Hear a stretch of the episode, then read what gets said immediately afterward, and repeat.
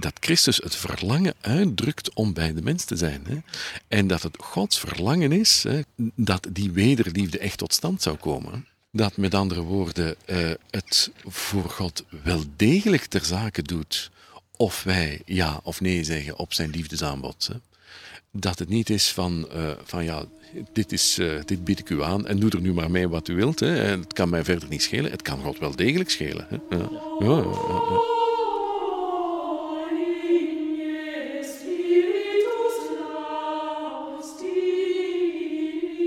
De geestelijke oefeningen van Ignatius van Loyola worden misschien niet meteen geassocieerd met mystiek, maar in het slotstuk van deze podcastserie over mystiek vertelt Rob Vaassen dat er wel degelijk een mystieke onderstroom aan het werk is in de oefeningen. En dat er bovendien in het spoor van Ignatius verschillende mystieke teksten zijn geschreven door Jezuïeten.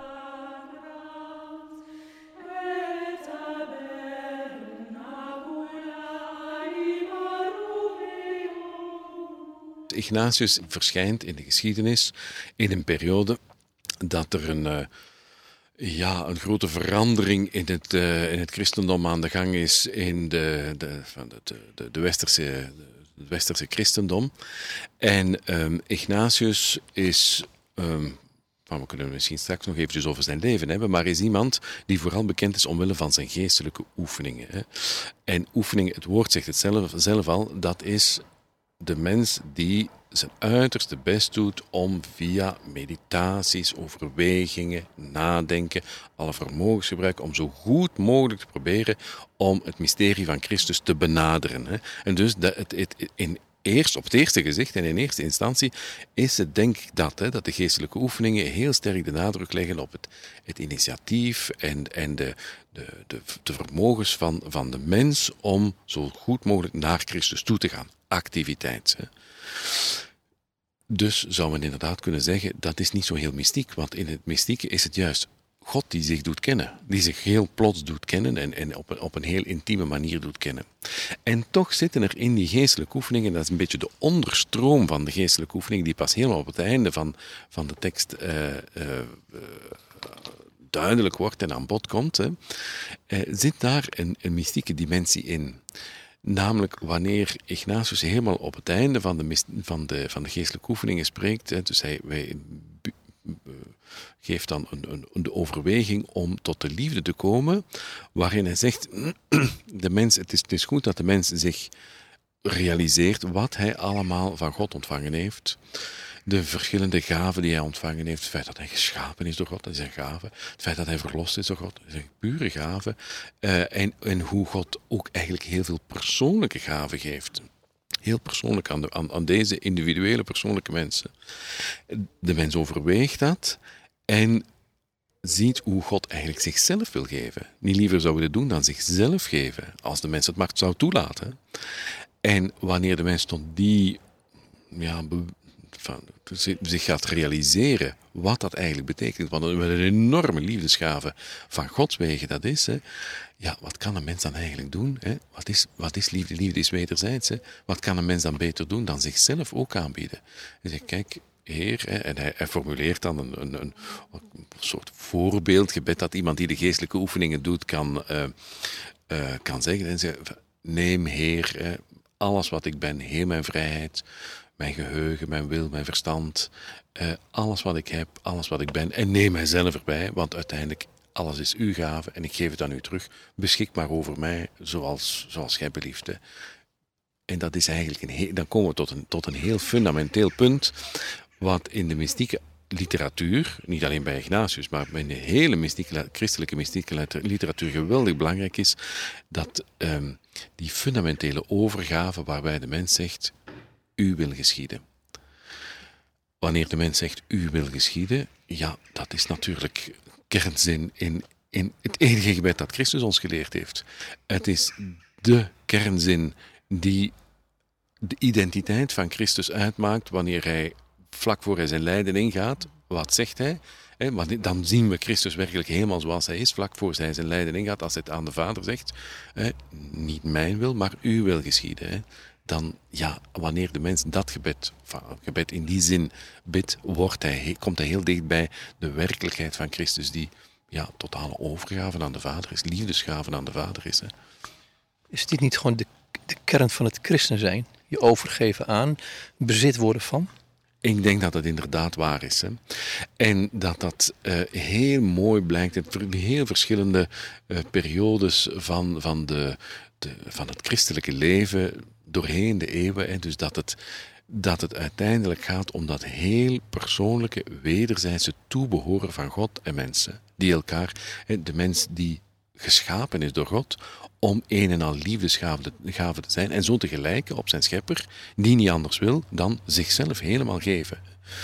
Niet op een verre afstand blijft en zegt, oh ja, ik heb daar iets geschapen en dat is wel mooi en enfin, laat het nu maar op zichzelf draaien, maar dat er een echt een persoonlijke ontmoeting mogelijk is, een persoonlijke ontmoeting waar uh, ja, die uitmondt en, en, en, en tot bloei komt, hè, wanneer de twee liefdespartners, God en mens, zich echt helemaal aan elkaar geven. Het is geen toeval, pardon, het is, het is geen toeval dat um, in de loop van de eeuwen af en toe dat beeld van het hooglied verschijnt als een, als een metafoor voor de ontmoeting tussen God en mens. Want ja, is er, ja, het, is, is een heel mooi beeld van, van twee geliefden die zich aan elkaar helemaal geven. Niet alleen de, ga, de gave geven, maar zichzelf aan, elkaar geven. Wel, is er een mooier beeld om te spreken over hoe God zich aan de mens geeft en wat de mens dan als antwoord daarop kan doen. Ja, zichzelf helemaal in liefde geven. Hè. En dat is de kern van het christendom, dat denk ik ook. Ja, ja, denk ik even heel protestants, misschien wel evangelisch. Dan noem ik twee termen: bekering en wedergeboorte. Ja, laat ik eens uh, gaan naar het, uh, het leven van Ignatius van Loyola. Dus hij heeft, men, zegt dat in het leven van, van Ignatius zich er een echte bekering om voltrokken heeft. Hè? Ik val even in de reden, maar hij is een tijdgenoot van Luther, dacht ik, hè? Inderdaad, ja, ja, ja, ja, ja. ongeveer grosso modo. Ignatius is opgegroeid in, als, een, enfin, als, kind gedoopt. Hè. Eén of twee dagen na zijn geboorte is hij gedoopt. En is dan uh, uh, verschillende jaren, uh, een, hoe, zal ik zeggen, een, doorsnee Spaanse katholieke christen geweest. Hè.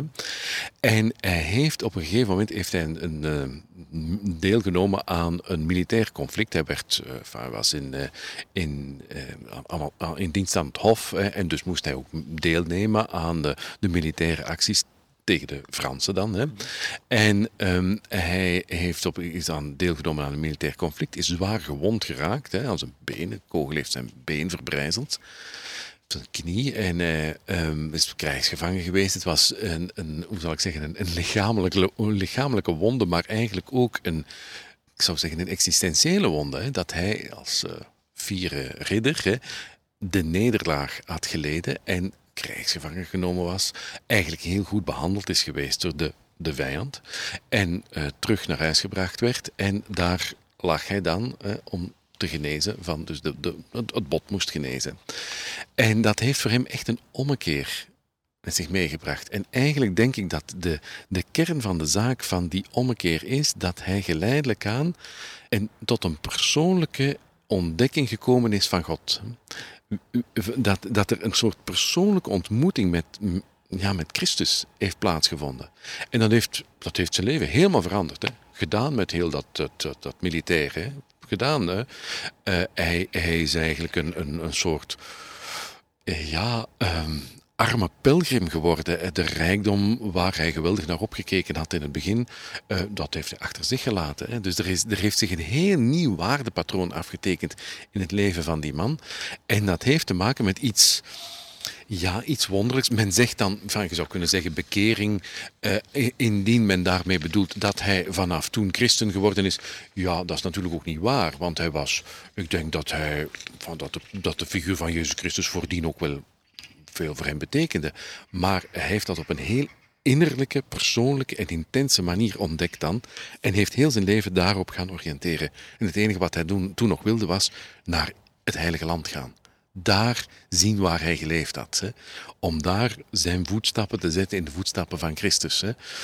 Wat natuurlijk een beetje een, een, materiële manier is om die nabijheid met Christus uit te drukken. Eh, en dat heeft, heeft verschillende jaren geduurd eer dat bij hem ook hoe zal ik zeggen, geestelijker en innerlijker, inner, meer innerlijk geworden is. Hè. Maar uiteindelijk is het dat. Hè. Dat, is, dat is een vorm van bekering, ja. Hij had aan de andere kant van de grens geboren kunnen worden, als ik dit zo hoor. Als hij in noordelijke Nederlanden was geboren. Of tenminste, in Vlaanderen. Vlaanderen is heel, heel protestants geweest natuurlijk, hè, de eerste helft. Of de, driekwart van, van, van de 16e eeuw. Daar hebben wij het protestantisme eigenlijk een beetje aan te danken in het noorden. Um, dan was het waarschijnlijk gewoon een protestant geworden. Ja, dat zou goed kunnen, ja. Ja, ja inderdaad. Ja, ja, ja.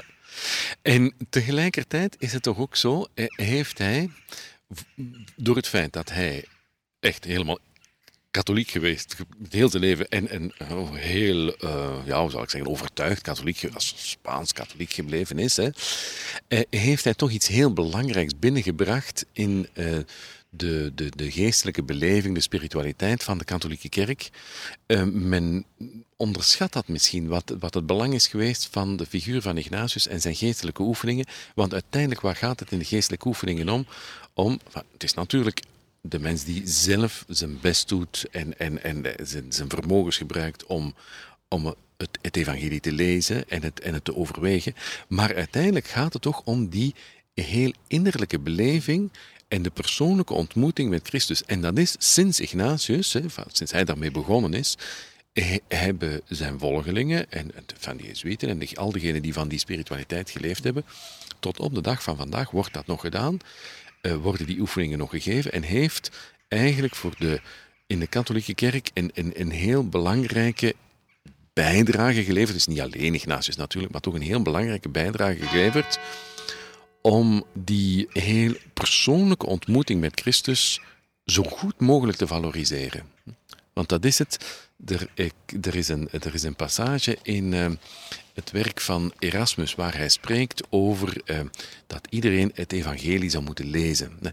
En als ik dat leg, leg naast wat Ignatius zegt, komt het er eigenlijk ligt het er heel dichtbij. En dat Erasmus zegt, hè, ieder zou het evangelie moeten lezen.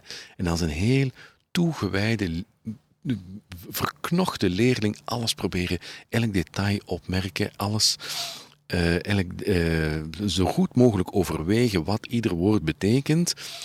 En zich realiseren dat dat niet iets, niet iets is van een ver uh, verleden dat afgesloten is, maar dat dat zich helemaal realiseert in het heden. Hè. De Christus wordt vandaag geboren. Dat is precies de beschrijving van wat Ignatius voor ogen heeft wanneer hij spreekt over geestelijke oefeningen en het mediteren over het evangelie. Dat is precies dat. Dus hij heeft eigenlijk iets heel uh, uh, ja, iets denk ik waar, waar we elkaar heel goed in, in kunnen verstaan. Hè? Dus waar we, uh, ja, waar we niet zo ver van elkaar staan. Hè? En heeft hij toch bevorderd aan de kant van de katholieke kerk. Ja, ja, en ik denk dat het heeft in de loop van de eeuwen hebben zijn volgelingen dat doorgegeven. Ja. Er is een andere man, Louis Lallemand. Ehm, die heeft ook in de wieg gestaan, dacht ik, uh, van de hele zending naar Quebec toe, naar de Indianen daar. Uh, misschien kun je daar iets over vertellen, ook over zijn spiritualiteit. Want die mystiek, dat, dat, dat onderwerpen aan God, dat, is, dat lijkt bijna een, een niet-intellectuele oefening. Ah ja, dat klopt, ja. Louis Lallemand was iemand die um, uh, verantwoordelijk was, of door de orde aangesteld, wat in Frankrijk dan toch, uh, om de vorming te geven aan de jonge Jezuïeten die hun noviciaat al gedaan hadden, dus de eerste vormingsjaren in, in de orde, dan daarna filosofie en theologie gestudeerd hadden, tot priester gewijd werden, en dan nog een laatste afsluitend jaar van uh, geestelijke vorming uh, ontvingen. En de novicemeester, om het maar zo te zeggen, de, van, uh, van de, in die periode, we spreken over, we zijn in de 17e eeuw dan, hè, Louis Lallemand werd daar, kreeg die taak. Hè. En hij is iemand geweest die um, een, een hele generatie gevormd heeft, van mensen die dus jonge Jezuïeten, die een intellectuele vorming gekregen hadden en die hen werkelijk de smaak voor, het, um, ja, voor de totale overgave en de, en, de, en ja, de mystieke verbondenheid met God meegegeven heeft. En dat is, een, dat is een, een, een heel interessante generatie van mensen zoals de mysticus uh, Jean-Joseph Surin, om nu maar iemand te noemen. Maar ook inderdaad de martelaren van Can Canada. Dus die mensen die dan vanuit Frankrijk vertrokken zijn om het zendingswerk in uh, Canada te doen. Uh, samen met iemand als Marie de l'Incarnation. en die daar verschrikkelijke dingen meegemaakt hebben. Die dus echt ja, in, in, in heel, heel moeilijke omstandigheden het christendom verkondigd hebben. En eigenlijk zo goed als geen resultaat gehad, gezien hebben. Dus dat, uh, en wanneer je die teksten leest van die mensen, ik heb, ik heb dat zo eens een uh, paar jaar geleden, heb ik dat eens doorgelezen. Ik vond het, vond het bijzonder indrukwekkend. Hè? Dus hoe, hoe daar een, een, een, een diepe overtuiging en een, en een zorg voor hun medemensen, hè, om, om het geloof over te dragen. Het beste wat ze hadden, om dat door te geven aan, aan die mensen daar in Canada. En eh, hoe dat samengegaan is, hè, dus die, en de moed die dat gevergd heeft, hoe dat samengegaan is met een heel grote intimiteit met God. Een heel diepe godsverbondenheid. Ja. En het martelaarschap. En het martelaar, daar is het uiteindelijk op neergekomen. Ja, ja, verschillende. Hè. Eh, Jacques de Brébeuf, uh, Isaac Jogues. Uh, dat zijn mensen die, die en, onder heel, heel pijnlijke omstandigheden hun leven gegeven hebben. Ja, ja, Dan denk ik, want hetzelfde gebeurt nu in de Arabische wereld, hè, waar, waar, of Noord-Korea kan ik noemen. Dan denk ik wel eens, um, is Jezus dat waard? Oh ja, dat denk ik wel. Oh ja, ja. Enfin, als ik nu voor mezelf persoonlijk maar spreken, ah ja, zeker, ja, ja. ja ja, uiteindelijk, uh, dan spreken we over de oorsprong, de grond en het doel van ons bestaan. Ah ja, natuurlijk is hij dat waard. Ja, ja. ja er staat uh, bij Louis, Louis Lallemand, had je zo'n hoofdstuk, en er stond boven ons geluk is afhankelijk van onze volledige overgave aan God, die als enige in ons hart moet heersen. Daar zeg je nogal wat. Einde autonomie. Wel, ja en nee.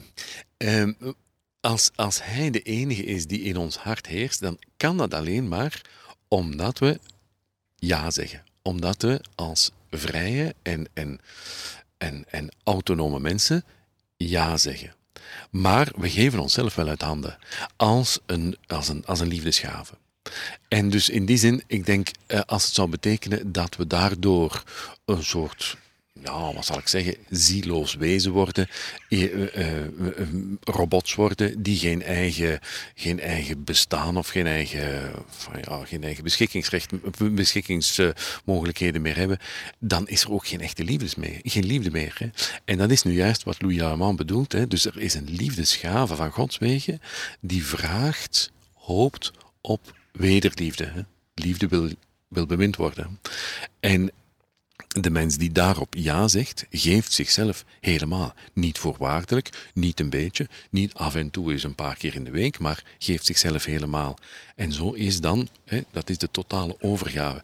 En het is interessant dat Louis Allemand daarbij aanstipt, daarin is ons geluk gelegen. Het is iets wat het, het diepste geluk van de mens uitmaakt. En de veronderstelling is natuurlijk dat wij mensen geschapen zijn om ons helemaal in liefde weg te schenken. Niet om onze uh, steunpunt en onze uh, uiteindelijke bestemming in onszelf te vinden, maar in de ander. Hè. Dus dat de structuur van de menselijke persoon zo is uh, dat hij of zij gericht is op de ander. En hoe minder ik op de ander gericht ben en alleen maar op mezelf gericht of mijn eigen steunpunt in mezelf vind, ja, uiteindelijk hoe eenzamer ik ben. Hè. En, en dat het zich wegschenken aan de ander met hoofdletter, hè, in ieder geval aan de ander met kleine letter, maar een a fortiori aan de ander met, met grote letter, met hoofdletter, dat dat iets is wat de mens een, uiteindelijk geweldig gelukkig maakt, omdat we daarvoor geschapen zijn. Hè. Ja. Vind je in die overgave jezelf? Ja, dat, ja, dat, dat, is een heel interessante vraag. Hè? Want op het eerste gezicht zou men kunnen zeggen, ah nee, je verliest u helemaal. Bent u helemaal, u geeft uzelf weg, bent u zelf kwijt, houdt niks voor jezelf achter. Hè? Het is niet dat, zeg, dat ik zou zeggen dan, dan aan God, oké, goed, die dagen van de week zijn voor u, de rest hou ik voor mezelf. Of, of die jaren van mijn leven zijn voor u, de rest hou ik voor mezelf. Nee, nee, het is, het is een totale zichzelf wegschenken, met alles erop en eraan. En dus zou men op het eerste gezicht kunnen zeggen, ja, dan is men zichzelf kwijt. Maar uiteindelijk vindt men zo het leven. Het is zoals Christus die op het kruis gestorven is, zichzelf gaf, zijn lichaam, zijn ziel en zijn geest gaf aan de Vader, alles kwijt was, hè, dus niets voor zichzelf achterhield. Hè. Ah, maar dat is, en dat is wel zijn leven geweest. Hè. van begin af aan tot het einde. En, en dat, dat, dat, dat komt daar in, in, in, in volle kracht en, en, en, en sterkte. Uh, breekt dat open daar op het kruis. Hè? Wanneer Christus zichzelf geeft en zo helemaal zichzelf is. Hè? Ja. Nou doseer je dit vak, uh, mystieke theologie, en dan denk ik, ja, dan leef je in een tijd waarin zelfrealisatie en authenticiteit uh, hoog in het vaandel staat van de westerse mens. Daar lijkt dit haaks op te staan. Lijkt dit haaks op te staan. Ja, in zekere zin is dat inderdaad ook zo. En het is, uh, ik heb die uh, bedenking al verschillende keren van studenten uh, gehoord. Hè. Dus wanneer ik die dingen, die teksten lees en, en, en die uitleg. En dan na een paar uur komt ook de vraag: ja, maar, ja, maar wat is dit? Hè? Dus dat, en, de autonomie van de mens. En, en, en toch denk ik dat iedereen wanneer men die, um, zeker de grote teksten leest, hè, aanvoelt dat daar een heel mooi geheim verborgen ligt dat onze tijd een beetje uit het oog aan het verliezen is. Om het, om het nu maar voorzichtig uit te drukken. En dat er een, een geluk gelegen is in datgene wat die mensen, want die mystici beschrijven, een, een geluk van een andere orde dan waar onze cultuur en onze vanzelfsprekendheden helemaal aan gewend zijn. Lijkt me een aparte opgave om hier les te geven in deze tijd. Ja, dat klopt. En, en ik heb, ik heb al verschillende keren uh, ondervonden dat het uh, de eerste weken heel bizar is voor de studenten. Hè? Dus dat is, van het is heel nieuw. Het, is een, het zijn daar doorgaans helemaal niet mee vertrouwd. Hè. En vooral, ik geef ook niet veel inleidende beschouwingen. We gaan direct naar die teksten zelf. Hè. En uh, ik zie zo de eerste uren wel uh, de, de, wenkbrauwen fronsen en zeg, wat is die man? Waar zijn we nu toch mee bezig? Uh, maar dat geleidelijk aan, want naarmate de, de weken vorderen, hè, dat men dat eh, bijzonder apprecieert. En bijna ieder jaar, op het einde van de, van de cursus, krijg ik uh, uh, verschillende opmerkingen waar dat, dat ze zeggen, ja, we bedanken u echt daarvoor. Hè. Dus dat is iets, ja, dat kennen we niet en we zijn daar dankbaar voor dat we dat gekregen hebben. Ja. Lallemans zegt op een gegeven moment, ik geef naar, naar hem terug, um, je, hebt, je hebt dus die overgave van God, tegelijkertijd is het ook om God een rustplaats in jezelf te laten vinden. Dat is natuurlijk een hele rare gedachte voor ons. Ja, omdat hij, en, en dat is eigenlijk een hele uh, mooie uitdrukking die hij uh, gebruikt. Het is Gods vreugde om te rusten in de mens, om, om zijn verblijf te nemen in de mensen. Ik vind, om, als hij dat zo zegt, uh, opent hij ook de ogen voor een dimensie die in het evangelie ook wel aanwezig is. Hè? En we kunnen daar misschien overheen lezen en misschien zijn er verschillende ja, contexten waarin men daar helemaal overheen leest, maar dat, dat, het, dat Christus het verlangen uitdrukt om bij de mens te zijn. Hè? En dat het Gods verlangen is, hè, Gods vreugde en, en, en Gods hoop en verlangen is, om dat die wederliefde echt tot stand zou komen. Dat met andere woorden uh, het voor God wel degelijk ter zake doet of wij ja of nee zeggen op zijn liefdesaanbod. Hè? Dat het niet is van, uh, van ja, dit, is, uh, dit bied ik u aan en doe er nu maar mee wat u wilt. Hè. En het kan mij verder niet schelen. Het kan God wel degelijk schelen. Hè. Ja. Ja. Ja, ja, Een ander iemand die je behandelde was uh, Jean-Joseph Surin. En toen met stomme verbazing ging het daar over exorcisme.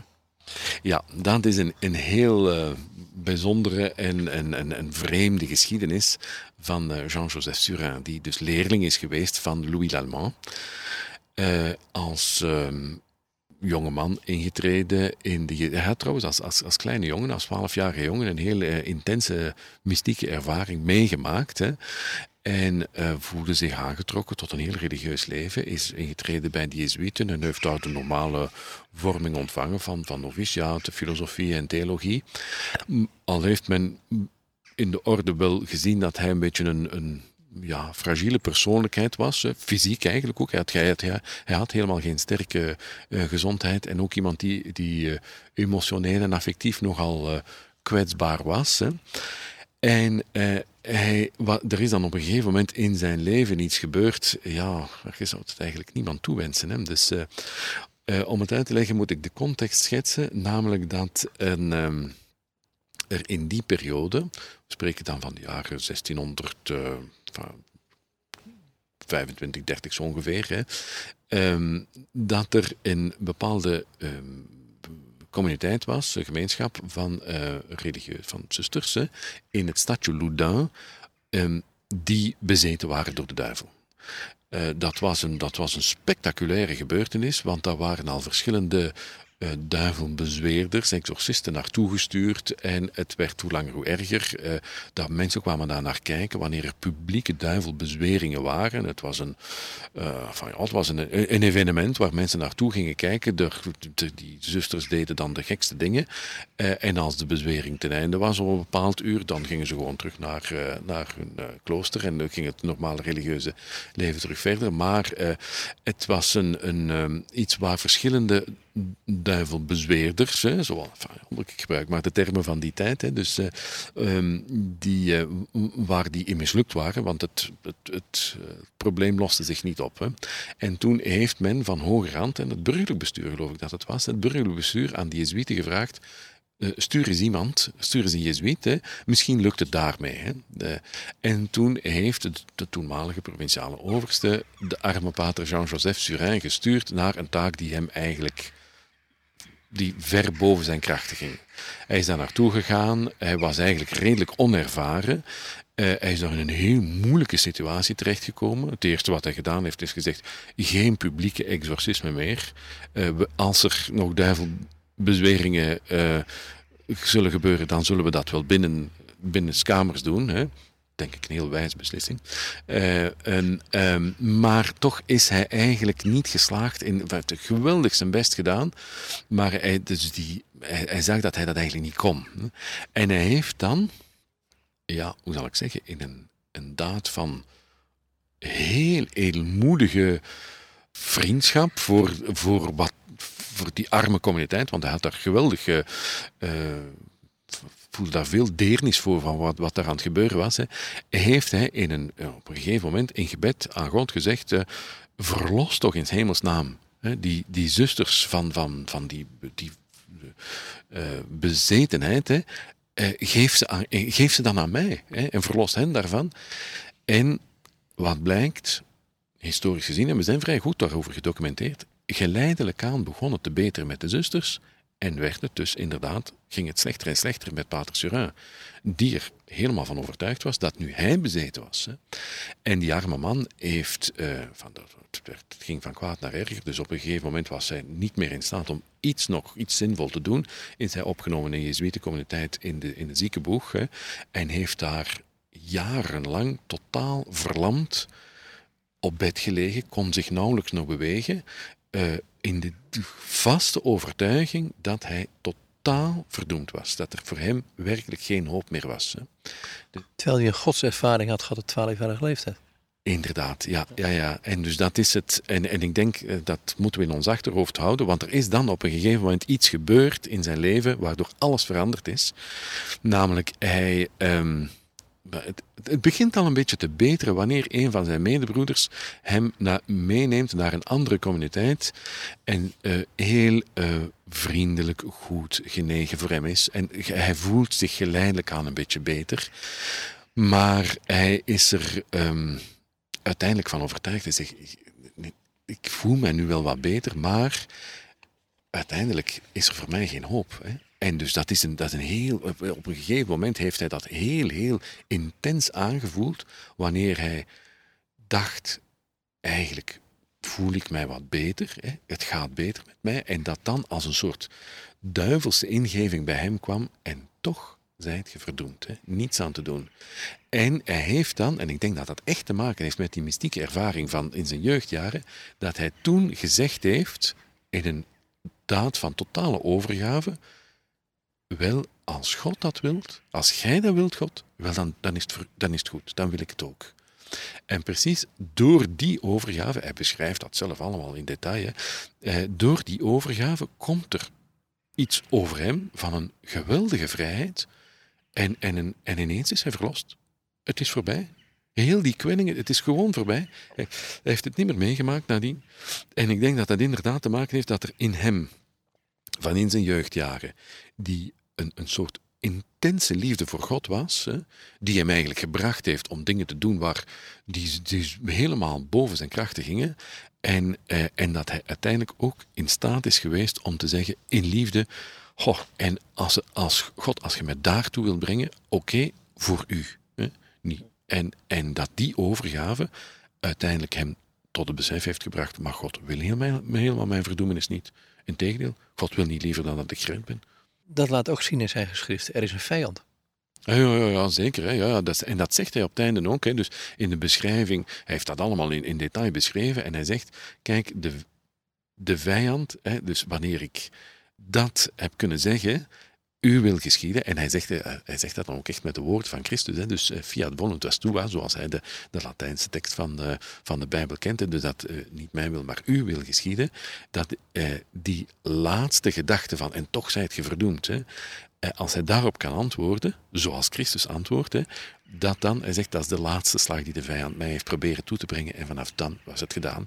Kon hij, kon hij niet meer, was zijn, was zijn, was zijn macht ten einde. Dus, en wat natuurlijk wil zeggen dat die heel diepe verbondenheid met Christus, dat is het precies wat hem uh, gebracht heeft tot, tot die grote vrijheid en, en, en, helemaal verlost heeft van die kwellingen. Ik ga een eeuw verder, naar de 18e eeuw, en dan hebben we het over de Franse Revolutie, over Jean-Nicolas Groux. Um, die heeft, die heeft het, het, het, de afschaffing van de Jezuïeten meegemaakt, de Franse Revolutie, heeft moeten vluchten. Uh, ja, en wat houd, je, wat houd je dan nog op de benen? Ja, dat is waar. Ja, ja. Ik denk dat het echt niet onderschatten is wat, uh, wat mensen van die generatie meegemaakt hebben. Hè. Dus hij is uh, toegetreden tot de Jezuïtenorde helemaal eigenlijk in, in volle 18e eeuw, eh, wanneer, en dat kon hij onmogelijk weten, wanneer de allerlei wolken zich aan het samenpakken waren, waren eh, tegen de Jezuïetenorde. En hij heeft zelf moeten meemaken dat op een gegeven moment vanuit Rome de orde afgeschaft is geweest. Hè. Dat betekende concreet dat er geen Jezuïeten meer waren, dat alle bezittingen verkocht werden, dat die eigenlijk geconfiskeerd werden, want het, moest, het ging naar de burgerlijke overheid. Hè. Uh, dat de mensen die tot de Jezuïetenorde behoorden, ja, maar moesten zien dat ze ergens een plek vonden uh, om, om hun leven verder door te brengen.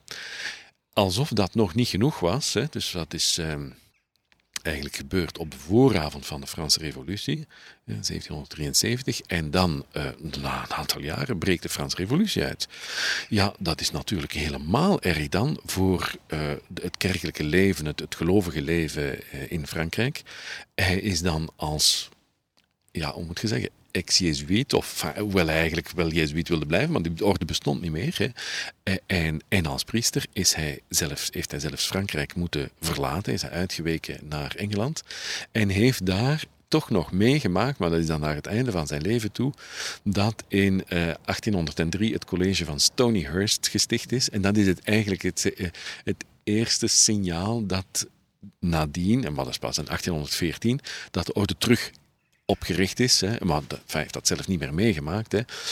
Maar eh, iemand die, zoals Nicolas Groux, die, uh, Jean-Nicolas Groux, die dat meegemaakt heeft, hè, toch heeft hij heel uh, diepzinnige en mooie uh, mystieke teksten geschreven. Hij was eigenlijk van vorming iemand, en, dat was zijn, zijn taak en zijn, zijn, zijn, zijn zijn werk ook in de Jezuïetenorde, zolang ze nog bestond. Uh, hij had als taak om um, de, Grieks te doseren en te studeren. En dus hij heeft verschillende vertalingen van Plato gemaakt. Hij, was, hij is gekend als een, een echte Hellenist, een specialist in de, in de Griekse cultuur, de Griekse taal en letterkunde en cultuur. Hè.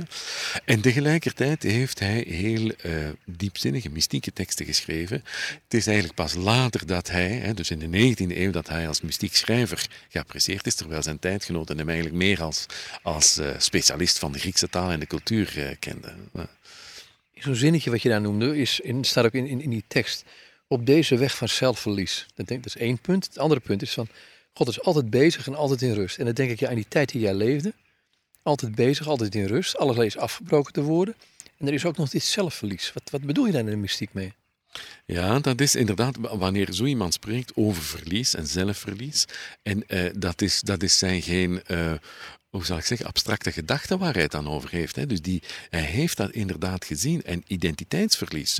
Want uh, ja, uiteindelijk, de orde waarin hij waartoe hij toegetreden was als jonge man, had een, sterke structuur en een duidelijke identiteit. En, dat is tijdens zijn leven allemaal verdwenen. Niks meer over. Uh, hij, kon zelfs niet in zijn vaderland blijven.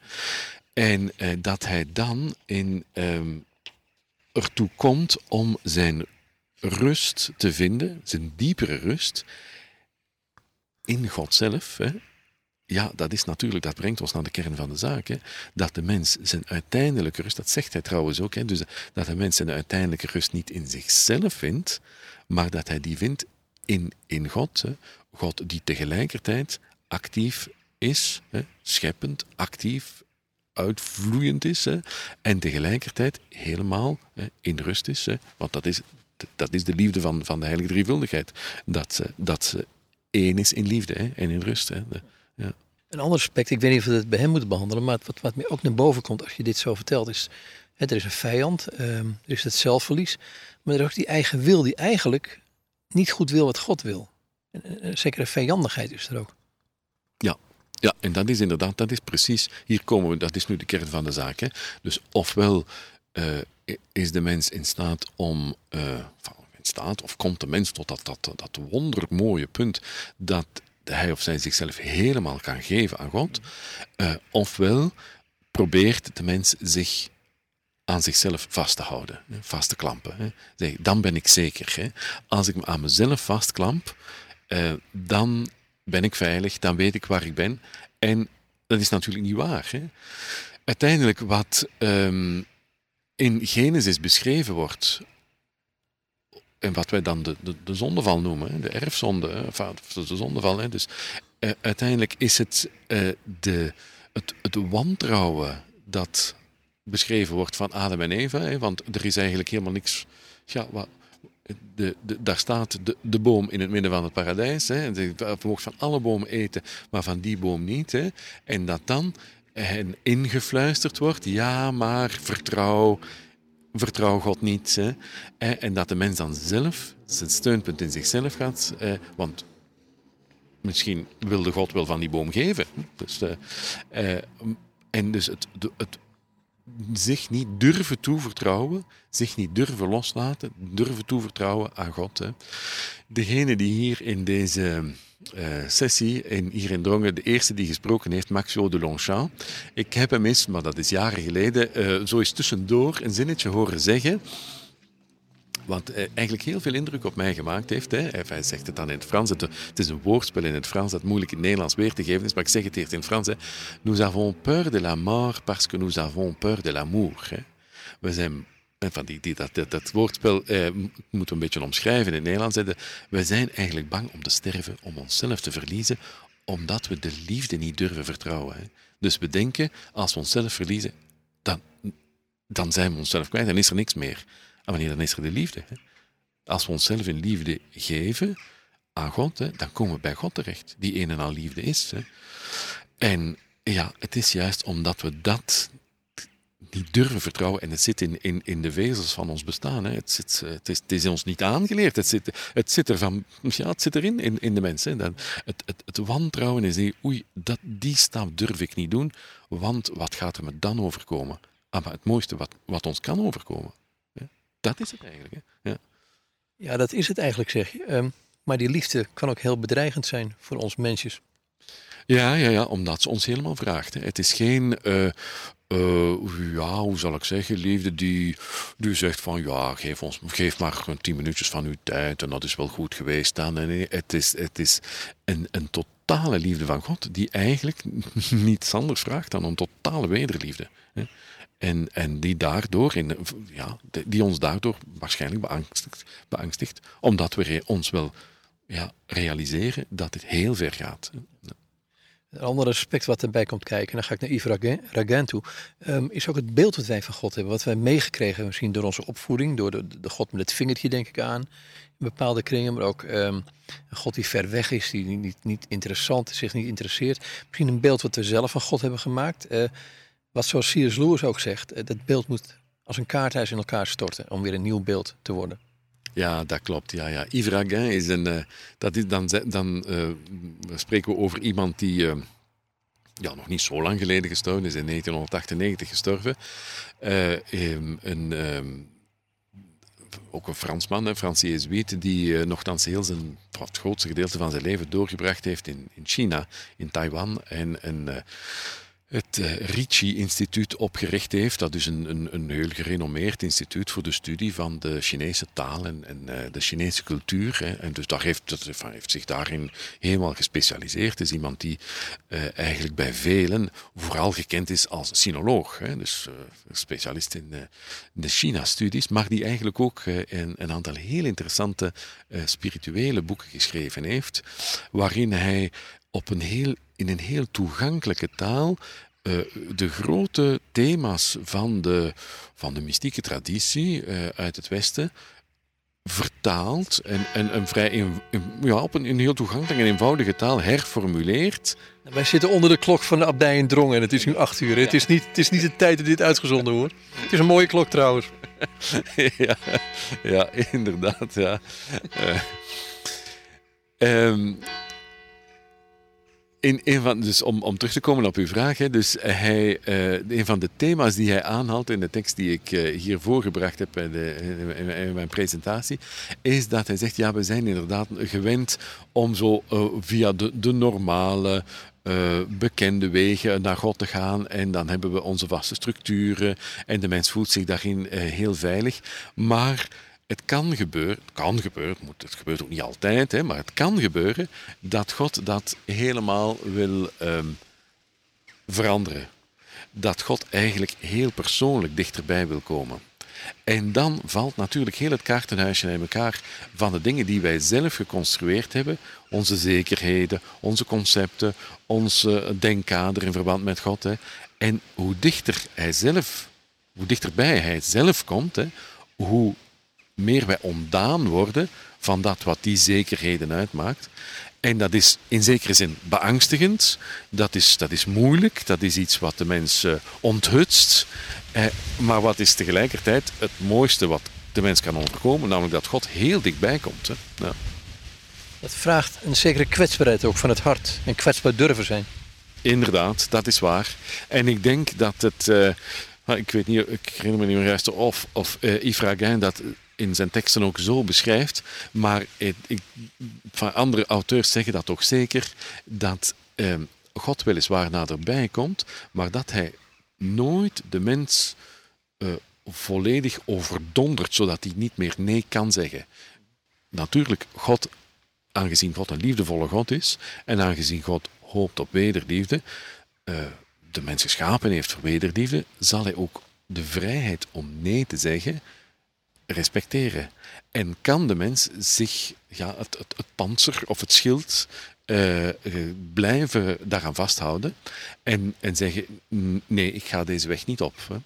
En, uh, en dus ja, zich hard opstellen, zich niet kwetsbaar opstellen ten opzichte van God. Inderdaad, dat is. Ja, ja.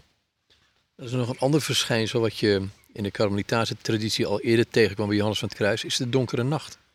Ja, inderdaad. En dat is, uh, de donkere nacht schijnt een heel negatieve term te zijn. Hè?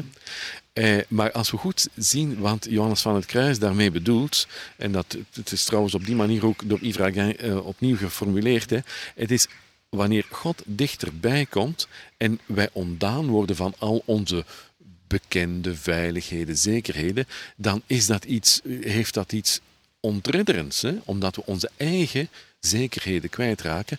Maar eigenlijk is, het, is die donkere nacht, hè, wanneer onze concepten ook wegvallen en onze, onze zekerheden, is donker, maar is tegelijkertijd een, een geweldig gelukkig gebeuren. Dat zegt Johannes van het Kruis ook. Hè. Dus in zijn, in zijn gedicht Donkere Nacht hè, herhaalt hij voortdurend wat een gelukkig overkomen. Hè. Wat een fantastisch gelukkige nacht dat was. Ik wist niks meer. Hè. Ik was helemaal verloren. Maar er was één licht dat mij gidste. En dat, hè, dieper dan, dan welke woorden ook, hè, dieper hè, en maar zekerder dan alle concepten en alle uh, inzichten die ik had over God, was het dat verborgen licht in het diepste van mijn wezen dat aanlokte en dat God zelf was. Hè. Dus het is donker vanuit een bepaald oogpunt bekeken, hè, vanuit de, de intellectuele, van sociale, kerkelijke zekerheden die we hebben. Maar het is dus in die zin donker. En, en, maar het is iets heel licht en iets heel gelukkig, omdat het God zelf is die dichterbij komt. Hè, en die de mens naar zich toetrekt. Hè. Daarin mis je de ervaring soms en gaat het om de geliefde alleen. Dus niet zozeer wat hij geeft, maar wie hij is. Tegelijkertijd kan het zijn dat je helemaal niets ervaart en het alleen maar weet. Ja, inderdaad. En dat is dan eigenlijk, ik denk dat dat uh, voor veel mystici beschreven wordt als de, de, de diepste vorm van liefde. Want zolang de mens nog een aantal vormen van ervaring heeft, heeft hij nog een zekere ja, garantie. Hè? Dus dat de andere er is, dat God een liefdevolle God is. En dan zou het gevaar van de bekoring kunnen uh, uh, opkomen dat ik bemin en er toch veel voor terugkrijg. Ik bemin God, ik geef mezelf, maar ik krijg er toch van alles voor terug. Hè? En ik denk dat dat eigenlijk de, de geweldige diepte is van dat woord wat Christus op het kruis uitspreekt wanneer hij zegt, mijn God, mijn God, waarom, waarom hebt gij mij verlaten? De geweldige diepte daarvan is niet, natuurlijk niet dat de, dat de Vader hem verlaten had, want hij had hem helemaal niet verlaten, maar wel dat Christus daar op dat ogenblik, hè, op het kruis, daar helemaal geen gevoel, ervaring, geen besef meer van had. Dat hij werkelijk zich. En dat dus zijn liefde echt pure liefde was. Dus niet um, vanuit een bepaalde zekerheid die hij nog had, maar dat het echt zichzelf geven was, helemaal zonder nog iets van zekerheid over te houden. En dan zegt Johannes van het Kruis in het gedicht De Donkere Nacht: uh, Uw liefde verwonde mij. Verwonden, ah ja, dat zeker. Ah ja, dat, is, dat is een heel diepe wonde dan. Hè. Dus dat is iets wat uh, um, de, de, mens ontneemt van, van, van al, al, al, datgene wat niet alleen. Het gaat dan niet zozeer over de lichamelijke wonden of de lichamelijke gezondheid, maar het gaat over de, de, de diepste regionen van de mens, waar uh, alles schijnt te verdwijnen hè, en, en waar het echt een soort totale existentiële overgave is, zich laten vallen in de armen van de Vader, in de liefdevolle armen van de Vader, zonder enig houvast nog te hebben en het, um, ja, die, die pure daad van, van heel enkelvoudig geloof, dat tegelijkertijd liefde is, hè, uh, die te stellen. Hè. Is dat een soort onverschillige heiligheid bijna? Daar, ja, ja, ja, dat zeker. Onverschillig dan niet in de betekenis van het kan mij niks schelen och, ja, laat het stoïcijns, uh, uh, laat het maar gebeuren. Hè. Nee, nee, dat niet. Hè. Onverschillig in de zin van datgene wat er mij overkomt. Daar gaat het niet om, maar het gaat om u, God. Hè. Om, alleen om u. Hè. En dat is het enige wat tilt. En wat, er dan, wat het verder aan consequenties heeft, dat zal ik wel zien. Hè. Dat is, dat, maar ik, en dus inderdaad, heilige onverschilligheid. In zekere zin zijn we dan terug bij Ignatius van Loyola, want dat is een term die hem heel dierbaar was. Hè.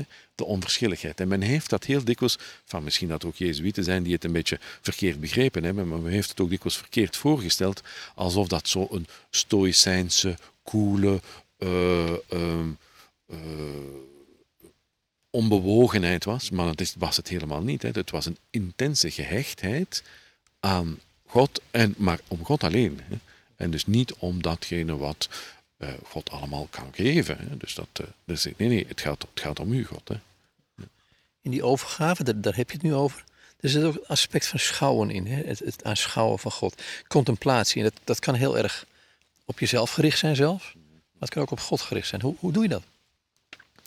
Wel, wat men uh, inderdaad, uh, de, de, term contemplatie, die men, die men van, eigenlijk al van, van in de eerste eeuw van het christendom, het is in zekere zin ouder dan het christendom zelf, hè, dus Plato gebruikt die termen ook. Hè, dus, uh, um, wat daarmee bedoeld wordt, is het in de, de aanwezigheid van de ander vertoeven. En naar de ander kijken. Niet naar zichzelf kijken, maar naar de ander kijken. En dus een blik die naar zichzelf kijkt, daar is iets onnatuurlijk aan. Eh, terwijl het in de aanwezigheid van de ander, de goddelijke ander, vertoeven en naar die ander kijken, dat dat de mens eigenlijk heel gezond maakt. Heel, helemaal, ja, dat alles is zoals het zou moeten zijn dan. Hè? In de juiste verhoudingen in en, en een juiste gezondheid met zich meebrengt. Hè? Eindigen met een niet-Jezuïet, niet ehm, Frère Laurent, werd hier ook genoemd op de cursus. Ehm, een schrijver die een boekje heeft geschreven, maar ook, het zijn ja, keukengeheimen, brieven die eigenlijk meer onder protestanten dan onder katholieken verspreid zijn, heb ik, ooit gehoord. Ook in Nederland wordt het uitgegeven door Gideon, uh, Licht in het Hart heet het daar. Ehm, hij zegt, ik, zijn motto is geworden, uh, ik wil nu vanaf nu af aan alles doen uit liefde voor God. Dat is simpele. Ja, dat is inderdaad heel mooi en, en, en, en ontroerend eigenlijk bij Frère Laurent. En dus dat hij als uh, broeder, eigenlijk ongeletterde broeder, uh, in, in, die, in die gemeenschap uh, al die, um, ja, hoe zal ik zeggen, liturgische gebeden die gedaan werden, dat hij daar eigenlijk zich moeilijk zijn weg in kon vinden. Hij was keukenbroeder. Hè. En tegelijkertijd was dat iemand die op een, op een heel intense manier uh, in de aanwezigheid van God vertoefde. Voortdurend. Hè. En dat voor hem de liefde tot God dat was het uiteindelijk. Hè. Daar, daar ging het om. Hè. En dat de, de, de meest eenvoudige dingen in de keuken kunnen gebeuren in de aanwezigheid van God en uit liefde tot God. Hè. En dat wat blijkt dan? Dat die eenvoudige keukenbroeder eh, voor heel veel mensen in Frankrijk een grote geestelijke leidsman is geweest, terwijl de veel geleerdere medebroeders in de communiteit daar bij de Karmelieten dat waarschijnlijk niet geweest zijn. Dat de mensen kwamen voor Frère Laurent hè, en niet voor Père, uh, zus of zo. En dan geef jij les in deze tijd, aan de jeugd van deze tijd. Waar we nu over gesproken hebben de laatste uren, kun je dit nu overbrengen op deze jongeren? Merk je dat het gepakt wordt? Ja, inderdaad. Ja, ik denk het wel. Ja.